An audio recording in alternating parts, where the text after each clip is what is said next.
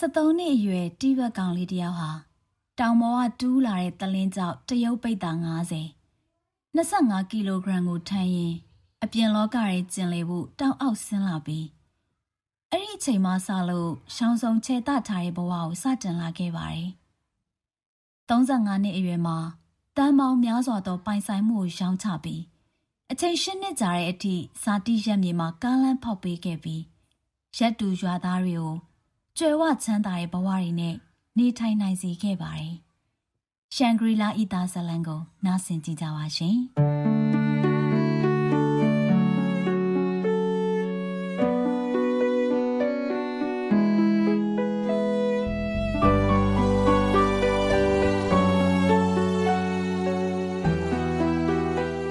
ကုမင်းတရုတ်နိုင်ငံအနောက်တောင်ပိုင်းနယ်စပ်ယူနန်ပြည်နယ်အတွင်းကမြို့ဖြစ်ပါတယ် ဒီတိတိမနက်9နာရီမှာနေမင်းကြီးကအနီရောင်မီးလုံးကြီးတစ်လုံးလိုမျိုးအရှိတ်ဘက်မိုးကုတ်စောက်ဝိုင်းကနေတဖြည်းဖြည်းပေါ်ထွက်လာပါတယ်ဂျက်လေရင်နှစ်စီးဟာဘယ်တစ်စီးညာတစ်စီးနဲ့အဖြူရောင်မီးကိုတန်းများတွေ့တန်းပြီးရှေ့ကျလှတဲ့ဒီမြို့ဟောင်းကြီးရဲ့ဝေဟင်မော်ကနေဖြတ်တန်းသွားကအပြာရောင်ကောင်းကင်ကြီးပေါ်မှာတိမ်တွေပြန့်လွင့်သွားခဲ့ပါတယ်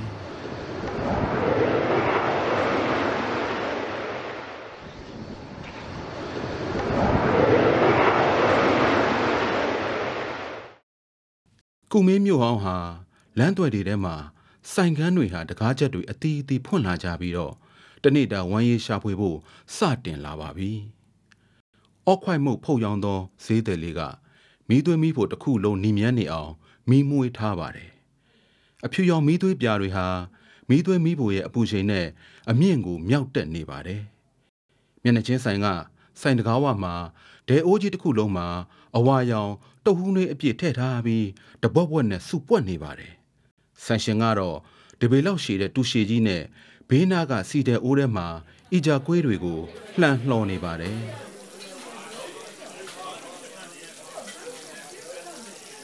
မိရှိဆိုင်တကားဝါက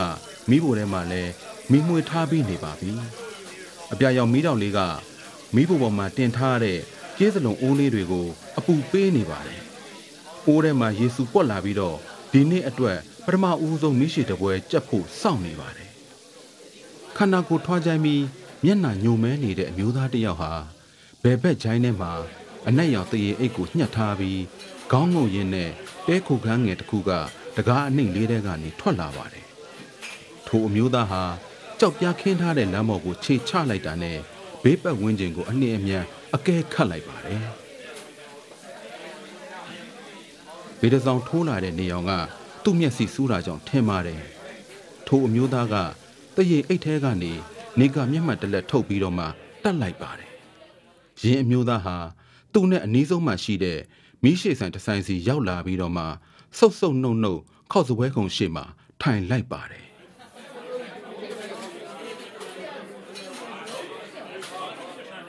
ဆန်းရှင်အသားနဲ့မရှိတဲ့ပွဲပေးပါခုချိန်များများထည့်ပြီးနော်။9မိနစ်တောင်မကြာလိုက်ပါဘူး။အငွေ့တစ်ထောင်းထောင်းနဲ့အသားနှက်မီးရှိခောက်ဆွဲဟာထိုအမျိုးသားကအာရပါရစားလို့ကုံသွားပါပြီ။ဆန်းရှင်ပတ်စံထားခဲ့ပြီနော်အမျိုးသားဟာငါးရွံကိုစပွဲပေါ်မှာတင်ပြီးတရင်အိတ်ကိုဂျိုင်းချညက်ကခတ်တုတ်တုတ်ထွက်သွားလိုက်ပါတယ်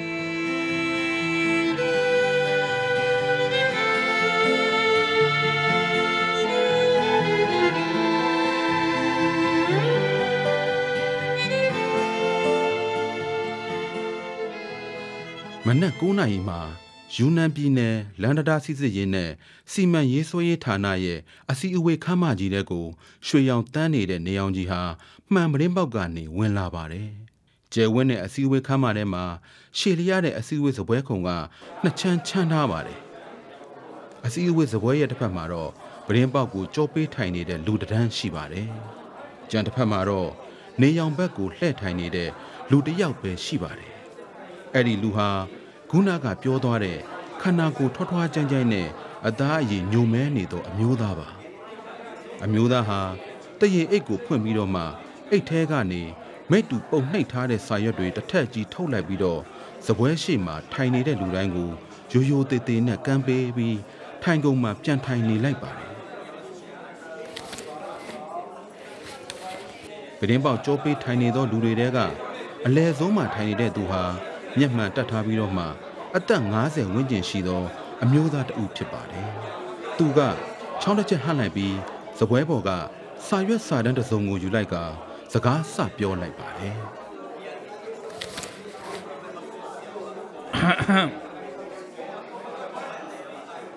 9နာရီလဲထိုးပါပြီအချိန်ကလည်းကွက်တီပါပဲဒီနေ့အစည်းအဝေးကောင်းစဉ်ကတော့တီချင်းဒေတာရှန်ဂရီလာမြို့နီရှိမြို့နယ် ထိုလူဟာစကားတစ်ချက်ရက်လိုက်ပြီးတော့မှဆက်ဖတ်လိုက်ပါတယ်နီရှိမြို့နယ်ရှင့်ဖူကျေးရွာပါလာကျေးရွာသားအဖွဲ့ကရဲဘော်ဝန်ဟိုင်ပင်းအဆိုပြုတဲ့ပါလာကျေးရွာကနေအမှတ်214အဝေးပြေးလမ်းမကြီးနဲ့တွယ်တန်းလမ်းခင်းတီဆောက်ရန်ဖြစ်နိုင်ခြေရှိသောစီမံကိန်းအစီအစဉ်ဖြစ်ပါတယ်အခုရဲဘော်ဝန်ဟိုင်ပင်းကနေသူ့ရဲ့စိတ်ကူးအကြံဉာဏ်နဲ့အဲ့ဒီဒေတာကအကြမ်းဖျင်းအခြေအနေကို ဒီမှာထိုင်နေတဲ့ပညာရှင်တွေကို ရှင်းလင်းမိတ်ဆက်ပေးပါ ဌာနမှုမှနဲ့အရာရှိကြီးတို့ဆရာကြီးတို့အားလုံးပဲမင်္ဂလာပါ အသားအယောင်ညုံမဲတဲ့အမျိုးသားဟာသူ့စကားပြောဖို့အလှည့်ရောက်လာတာကိုမြင်တော့စပွဲပေါ်ကကြိုတင်ပြင်ဆင်ထားတဲ့စာမှုချမ်းကိုမြ мян ယူလိုက်ပါတယ် ကျွန်တော်နာမည်ကဝန်ဟိုင်ဖေးပါ အမှန်တော့ကျွန်တော်ရဲ့ဒီဘက်နာမည်စစ်နာတိန်ကျူးလို့ကျွန်တော်ကိုခေါ်တာကိုပိုသဘောကျပါတယ်ကျွန်တော်ကတောင်ပေါ်ဒေသလာတဲ့ခမ်းပါနေတာပါကျွန်တော်တို့ဒီဘက်လူမျိုးရဲ့ဘဝမှာအဖြစ်ချင်ဆုံးဆန္ဒသုံးခုရှိပါတယ်ပထမတစ်ခုကလာစာမြို့ကိုသွားပြီးတော့ဘိုဒါလာနန်းတော်ကိုတစ်ချိန်တော့မြင်ချင်မိပါတယ်အဲဒုတိယတစ်ခုကတော့ဘေကျင်းကိုသွားပြီးတော့ချမ်းအမင်ရှင်ပြင်းနဲ့မောဥက္ကဋ္ဌကိုတစ်ချိန်လောက်မြင်မှုကျင်ပါတယ် တတိယတစ်ခုကတော့ကျွန်တော်ပင်လယ်ကြီးကိုမြင်မှုကျင်ပါတယ်အဲဒါကြောင့်ကျွန်တော်ကတောင်ပေါ်ဒေသကထွက်လာတဲ့လူဖြစ်တဲ့အတွက်ဝဟိုင်ပင်လို့နာမည်ပေးထားတာပါနေအောင်ကြီးဟာစစ်နှတင်ကျူးရဲ့မျက်နှာပေါ်ကိုတက်တက်ကြနေတာကြောင့်သူဟာမျက်လုံးမဲပြီးစာရွက်ကိုကြည့်နေရပါတယ်နေအောင်ထိုးနေတာကြောင့်ဖြစ်မဲ့ထင်ပါတယ် စစ်နှတင်ကျူးရဲ့နှစ်ဖူးပေါ်မှာချွေးသီးလေးတွေထွက်နေပြီးတော့မှစာမှုချမ်းဟာသူ့လက်ထဲမှာတစ်ဆက်ဆက်တုံနေပါတယ်ကျွန်တော်ဇာတိနာမည်ကပါလာကေဂျုံလို့ခေါ်ပါတယ်ရွာထဲကလူကြီးတွေပြောကြတာကတော့ကျွန်တော်တို့ရဲ့ဘိုးအေတွေကစီချွမ်ပြည်နယ်ပါထန်ခရိုင်ကဆင်းသက်လာတာလို့ပြောကြပါတယ်လွန်ခဲ့တဲ့နှစ်ပေါင်း1300တုန်းကစောဘစင်နာတော်ကြီးကစစ်ပွဲတွေကိုယွံမုံလို့ လက်အောက်ငယ်သားတွေကိုဥဆောင်ပြီးတော့လူပြည်တွေကဒုက္ခပုံနယ်မြေကိုရှာဖွေခဲ့တယ်လို့ဆိုကြပါတယ်နောက်ဆုံးမှာနှင်းတောင်တွေဝန်းရံနေတဲ့ဒီရှူမြောင်ထဲမှာအခြေချပြီးတော့ဘိုးစဉ်ပေါင်ဆက်အပြင်လောကနဲ့ကင်းကင်းရှင်းရှင်းနေခဲ့ကြပါတယ်စစ်နှတင်ကျူးဟာစာမှုချမ်းကိုပြန်ချလိုက်ပြီးမျက်နှာချင်းဆိုင်ကလူတွေရဲ့နောက်ကိုလှမ်းကြော်ကြည့်လိုက်ကဆက်ပြောပါတယ်အင်္ဂလန်နိုင်ငံကစာရေးဆရာ James Hilton ရဲ့ Lost Horizon ဝတ္ထုကိုဆရာတို့ဖတ်ဖူးကြလားမသိဘူးဗျ စီမံရေးဆွဲရေးဌာနကပညာရှင်များဟာတယောက်မျက်နှာတယောက်ပြန်ကြည့်မိကြတယ်ကျွန်တော်တို့ဘာလာကဲကျုံကိုဆရာတို့ရောက်ခဲ့မယ်ဆိုရင် Lost Horizon တဲကပုံဖော်ရေးသားခဲ့တဲ့ရှုခင်းအလုံးကျွန်တော်တို့ဒေတာမှာရှိနေတာကိုဆရာတို့တွေ့ရပါလိမ့်မယ်။နှင်းတောင်ရှုမြောင်အဲပြီးတော့စမ်းချောင်းပြီးတော့စိမ့်ဆူအုံမိုင်းတဲ့တဘာဝတစ်တော်ထဲမှာကြက်စားနေကြတဲ့နှာလံမြောက်တွေကုန်းမြင့်တောင်ပေါ်မြက်ခင်းပြင်ပေါ်မှာအေးအေးချမ်းချမ်းရှောက်သွားနေကြတဲ့ဆာမရီနွားအုပ်စုတွေကိုဆရာတို့မြင်ရပါလိမ့်မယ် စစ်နှတင်ကျူးဟာဓာတ်ဆက်ဖွင့်လိုက်တယ်လို့မျိုးပြောလေပြောလေအတန်ကျဲလာလေပါပဲ။အဲကျွန်တော်တို့ရက်မှာအလွန်ตาရလှပတဲ့တဘာဝရှုခင်းတွေပြီးတော့လက်ဆက်တန်ရှင်းတဲ့လေထုတွေအဲကြည်လင်တန်ရှင်းတဲ့စမ်းချောင်းတွေလည်းရှိပါတယ်။ပြောရရင်ဆရာတို့မြို့မှာနေတဲ့သူတွေအမြင်မှာတော့ကျွန်တော်တို့ပါလာကဲကျုံကရွာသားတွေကအပြင်လောကနဲ့ကင်းဝေးတဲ့နတ်ဘုံထဲမှာနေနေရသူမျိုးပေါ့ဗျာ။အဲကျွန်တော်တို့ရက်မှာနေရထိုင်ရတာနတ်ဘုံဒုက္ခခံစားရတယ်လို့ပဲလို့ပြောရမှာပေါ့ မဟုတ်ဘူးလားဗျစစ်နှတင်ကျူးဟာဒီနေရာရောက်တော့စကားဆရက်လိုက်ပြီးတော့မျက်နှာချင်းဆိုင်ကပညာရှင်တွေကိုကြည့်နေလိုက်ပါတယ်မျက်နှာချင်းဆိုင်ကဌာနမှုမှာဟာအခုလိုတတိပေးလိုက်ပါတယ်1ရဲဘော်စစ်နာတိန်ကျူလူရင်းကိုသာပြောပါ။အော်ဟုတ်ကဲ့ဟုတ်ကဲ့စစ်နှတင်ကျူးဟာတစ်ချက်ပြုံးရလိုက်ပြီးတော့ဆက်ပြောလိုက်ပါတယ်။အမ်ဒါပေမဲ့ဆရာတို့ကိုကျွန်တော်ပြောပြချင်တာက ဒဒီနီရှိမြို့နယ်တခြားရွာလူတွေကသူတို့သားသမီးတွေကိုဘယ်လိုဆုံးမကြမလဲဆိုတာဆရာတို့သိကြလားသူတို့ကတစိတ်ရှိရင်ကလေးတွေကိုနေပြောစကားနားမထောင်ရင်နေကိုပါလာကဲကြုံပို့ပြစ်မယ်ဆိုပြီးတော့ဒီလိုပြောကြပါတယ်။ဘာကြောင့်ဒီလိုပြောရတာလဲဆိုတော့ကျွန်တော်တို့အရက်ကဆင်းရဲလို့လို့ပေါ့။တရင်ပိတ်ဆို့လုံးနေပြီးတော့ကားလမ်းမဆိုတာလည်းမရှိဘူးဗျ။ကျွန်တော်တို့တောင်ပေါ်ဆင်းကြည့်လက်တဖွားစာအကျေပဲရှိတဲ့လမ်းကနေပဲလမ်းလျှောက်သွားတယ်။ ရွာသားတွေကအပြင်မှာထောဘက်စီသွားရောက်ကြည့်ရင်၄၅ရက်အဲပြီးတော့၄၅ညကြာအောင်တောင်စင်းလမ်းကိုရှောက်ရတယ်ဗျ။ဈေးတွေရောက်တဲ့အခါကျတော့လေထောဘက်စီတွေကအရေးကြီးပျော်ပြီးတော့အမြင်မလှတော့ဘူးပေါ့ဗျာစစ်နာတင်ကျူးဟာစကားတစ်ချက်ရက်လိုက်ပြီးဆက်ပြောပြန်ပါတယ်။ဒါကအဆိုးဆုံးပြဿနာတော့မဟုတ်သေးပါဘူး။ကျွန်တော်တို့ရက်ကလူတွေကယောဂမဖြစ်ရဘူးဗျ။ယောဂအသိမွားဖြစ်ရင်တော်သေးတယ်။ကိုယ့်ဘာသာကိုအာတင်သွားလို့ရသေးတယ်။ တကယ်လို့တယောက်ယောက်သာယောဂအကြီးကျယ်ဖြစ်မယ်ဆိုရင်ကျန်တဲ့လူကသူ့ကိုထမ်းပြီးတော့တောင်လန်းကိုဖြတ်အဲပြီးတော့ခရိုင်မြို့ပေါ်ကိုပို့ပေးရတာပေါ့။များသောအားဖြင့်ကတော့လမ်းတွက်မှလည်းအသက်မရှင်နိုင်တော့ပါဘူးဗျာ။ဒါလည်းကားလည်းမရှိတော့မော်တော်ယာဉ်တွေဝင်လာလို့မရဘူးပေါ့ဗျာ။ပညာရှင်တွေဟာစစ်နာတင်ကျူးရဲ့ပြောစကားကို အာယုံစူးစိုက်နားထောင်ရင်းနဲ့မျက်နှာမှာလေးနဲ့တဲ့အမူအရာတွေပေါ်လာခဲ့တယ်။ တချို့ဆိုရင်တော့မကြာခဏခေါင်းငုံပြီးစစ်နာတင်ကျူးတင်ပြထားတဲ့အချက်အလက်တွေကိုလှန်ကြည့်နေပါတယ်အေးညီလေးစနာမင်းပေးတဲ့အချက်လက်ကိုငါကြည့်ပြီးပြီငါအတွေ့အကြုံရပြောရရင်မင်းတို့ပါလာကေကျုံရွာကားလမ်းဖောက်နိုင်တဲ့ညီအနေထားမျိုးမရှိဘူး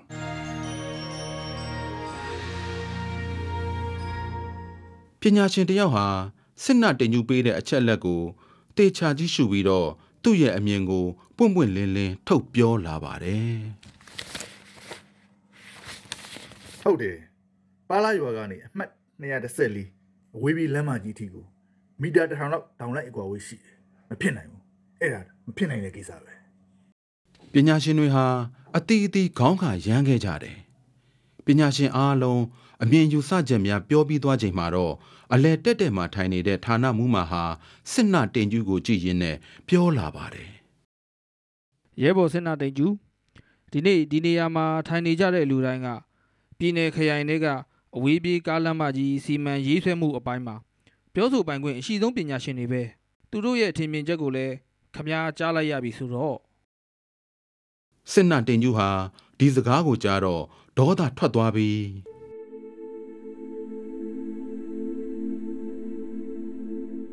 ဒီချင်းဒေသနဲ့ကျွန်တော်အဝေးကြီးလာခဲ့တာကျွန်တော်တို့တို့ကကားလန်တိုင်းထွာစစ်ဆေးပြီးတော့စီမံရေးဆွဲဖို့ဆရာတို့ကိုလာပင့်တာပါဆရာတို့ကကွင်းစင်းလေ့လာမှုတော့မရှိသေးဘဲနဲ့မရဘူးလို့ပြောတဲ့ခါကျတော့တစ်ဖက်သက်မဆန်းလုံးဘူးလားဗျာညီလေးစင်နာဘဲကိစ္စမဆိုအကောင်းဆုံးနှစ်မျက်နှာရှိတတ်ကြတာပဲလေဒီပြဿနာကိုကျုပ်တို့ခွဲချမ်းစိတ်ဖြာပြီးကြည့်ရမှာပေါ့ခမားတို့ဘာလာကေကျုံဒေတာကလမ်းမဆက်သွယ်ရေးမပေါက်ရောက်တာချုပ်ရင်းချက်လို့ထင်ရပေမဲ့ လမ်းမဆက်သွယ်ရေးမပေါက်ရောက်တဲ့အတွက်အဲ့ဒီဒေတာမှာလူကြီးနေပြီးတဘာဝရှုခင်းတွေထိမ့်သိမ့်ကြံရင်နိုင်ခဲ့တာပဲလေဒါလည်းကိစ္စကောင်းတစ်ခုပဲပေါ့။စစ်နာတင်ကျူးဟာဒီစကားကိုကြားတော့မတ်တရက်ခါစပွဲကိုလက်နှစ်ဖက်ဖြင့်ထောက်ရင်းပြောလိုက်ပါတယ်ဌာနမှုမှာဒီမှာရှိနေတဲ့ပညာရှင်ကြီးတွေ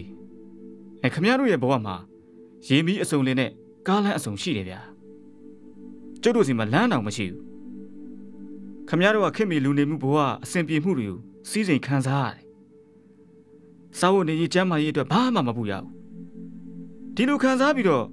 လဲဥယင်လိုတဘာဝရှုခင်းမျိုးကိုလည်းခံစားကြင်ကြသေးတယ်ကျုပ်တို့ဒီနေဆက်ဒေသတွေကိုဘယ်တော့မှမဖွင့်ပြမတိုးတက်ဖ ೇನೆ ခမရတို့မြို့ပေါ်ကလူတွေအတွက်ပန်းဥယင်လိုမျိုးဖြစ်စေချင်နေတာလားဒီလိုလုပ်တာတင့်တော်လို့လားဗျာ။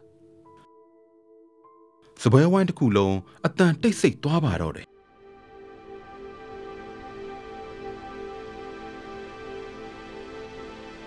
ဒီအခန်းထဲကအရာရှိကြီးနဲ့ပညာရှင်ကြီးတို့ကျုပ်ဒီနေ့လာတာခမရတို့စီကဒီလမ်းဖောက်ဖို့အတွက်ခွင့်ပြုချက်တောင်းနေတာမဟုတ်ဘူးခမရတို့ပညာရှင်တွေကိုကျုပ်တို့စီမှာတိုင်းထွာစစ်ဆေးပြီးတော့စီမံရေးဆွဲဖို့လာပြီးအကူအညီတောင်းနေတာဒီနေ့ကျုပ်စကားကုန်ကုန်ပဲပြောခဲ့မယ်ဗျာခမရတို့လာခြင်းလဲလာမလာခြင်းလဲနေဒီလမ်းကိုတော့ကျုပ်ကမရရအောင်ဖောက်ပါပဲ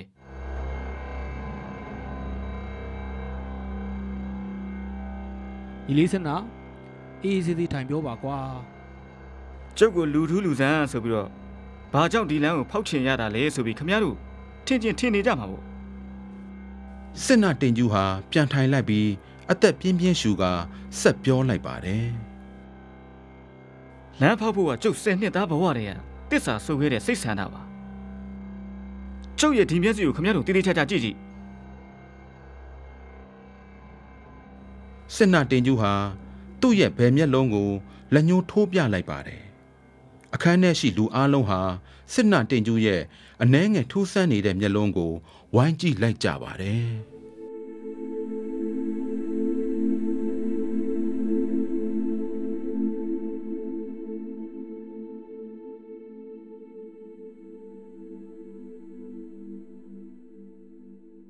အချိန်တွေဟာလွန်ခဲ့သော25နှစ်တုန်းက တောင်ပေါ်ကပါလာကေကျုံးရွာကအတိတ်စီကို ပြန်ရောက်လာခဲ့ပါတယ်။ထိုတနေ့မနက်မှာရွာလေးတဲကတိဘက်လူနေအိမ်များရဲ့ဝဟင်ပေါ်မှာ ထုံးစံအတိုင်းမိခိုးငွေများတလူလူထွက်နေပါတယ်။စစ်နာတင်ကျူးလေးဟာအိမ်တကားဝကနေထွက်လာပြီးရွာထိပ်ကဗပဲဖို့ရှိရာသို့ထွက်လာခဲ့ပါတယ်။စစ်နာတင်ကျူဟာထိုနှစ်မှာ 10နှစ်ပြည့်ပြီဖြစ်ပြီးမိသားစုထဲမှာအဓိကလောက်အားဖြစ်လာနေပါပြီ။နေကင်းဘက်မှာဗပဲဘိုဆိုင်မှာပညာသင်အဖြစ်နဲ့အလုတ်လုတ်ပတ်စံရှာရပါတယ်။လက်မှုပညာရက်ကိုတင်ယူထားလျင်နောက်တစ်ချိန်မှငတ်မသိနိုင်ပါဘူး။ဒါဟာအဖေဖြစ်သူကသူ့ကိုပြောပြထားတဲ့စကားပါ။ဗပဲဘိုထဲတွင်စစ်နာတင်ကျူရဲ့အလုတ်ကဖားဖို့ဆွဲရတဲ့အလုတ်ပါ။ဒီအလုပ်ဟာညင်းငွေပွဲကောင်းပေမဲ့ အရန်အရေးပါပါတယ်စစ်နာတင်ကျူးဟာဖားဖို့ကိုအာရပါရဆွဲပေးနေပါတယ်ဖားဖို့လေထိုးတန်ဟာစီးကျက်ညီညီနဲ့မြည်နေပြီးလက်ဆက်တဲ့လေရုတွေဟာမိဖို့တဲသို့တွန်းခံနေရပါတယ်မိတော့ဟာအနီရောင်ကနေအဝါရောင်ပြောင်းပြီးအဝါရောင်ကနေအပြာရောင်ဖြော့ဖြော့သို့ပြောင်းလာပါတယ်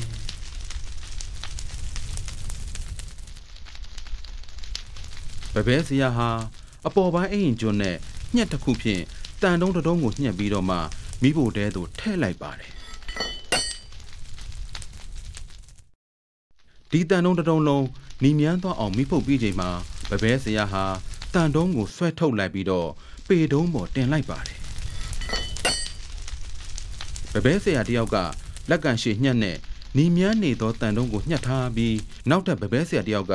တန်တူကြီးဖြင့်တစ်ချက်ပြီးတစ်ချက်ထုနေပါတယ်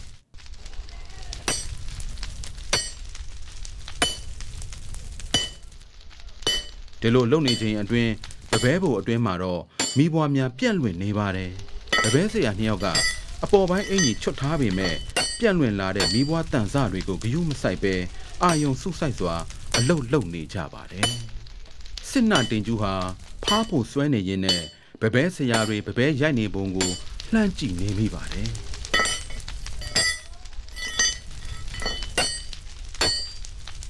ဘဘဲဆရာတွေကို အရန်ယောက်ျားဆန်တယ်လို့တွေးမြင်ပြီးတော့မှအားကြနေမိပါတယ်စိတ်ထဲမှာလဲဘယ်တော့မှ သူကိုယ်တိုင်တန်တူထုရိုက်နိုင်မလဲဆိုတာကို တွေးနေမိပါတယ်စစ်နာတင်ကျူးအာယုံစုစိုက်စွာကြည့်ရှုနေချိန်မှာပဲမျက်စိရှိကနေရွှေရောင်အမြင့်တန်းတစ်ခုရုတ်တရက်ဖြတ်သွားပါတယ်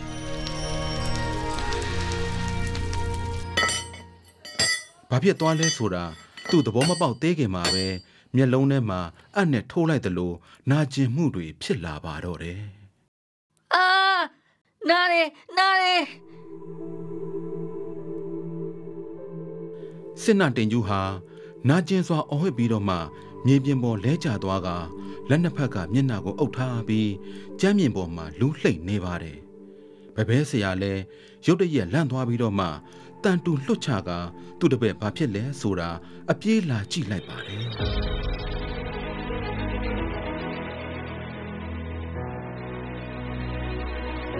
စနာတန်ညူစနာတန်ညူနားလေနားလေ။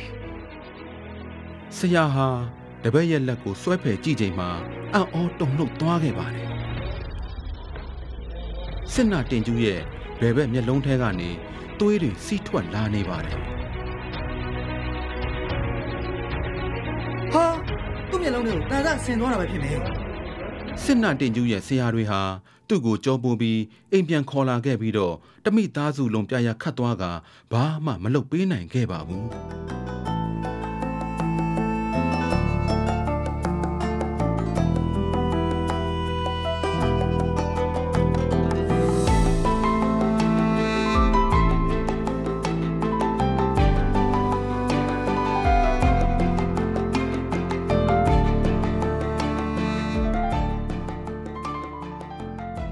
ဇတ်လန်ကိုရေးသားသူကတော့ဝင်းဆန္ဒဖြစ်ပါတယ်ရှင်။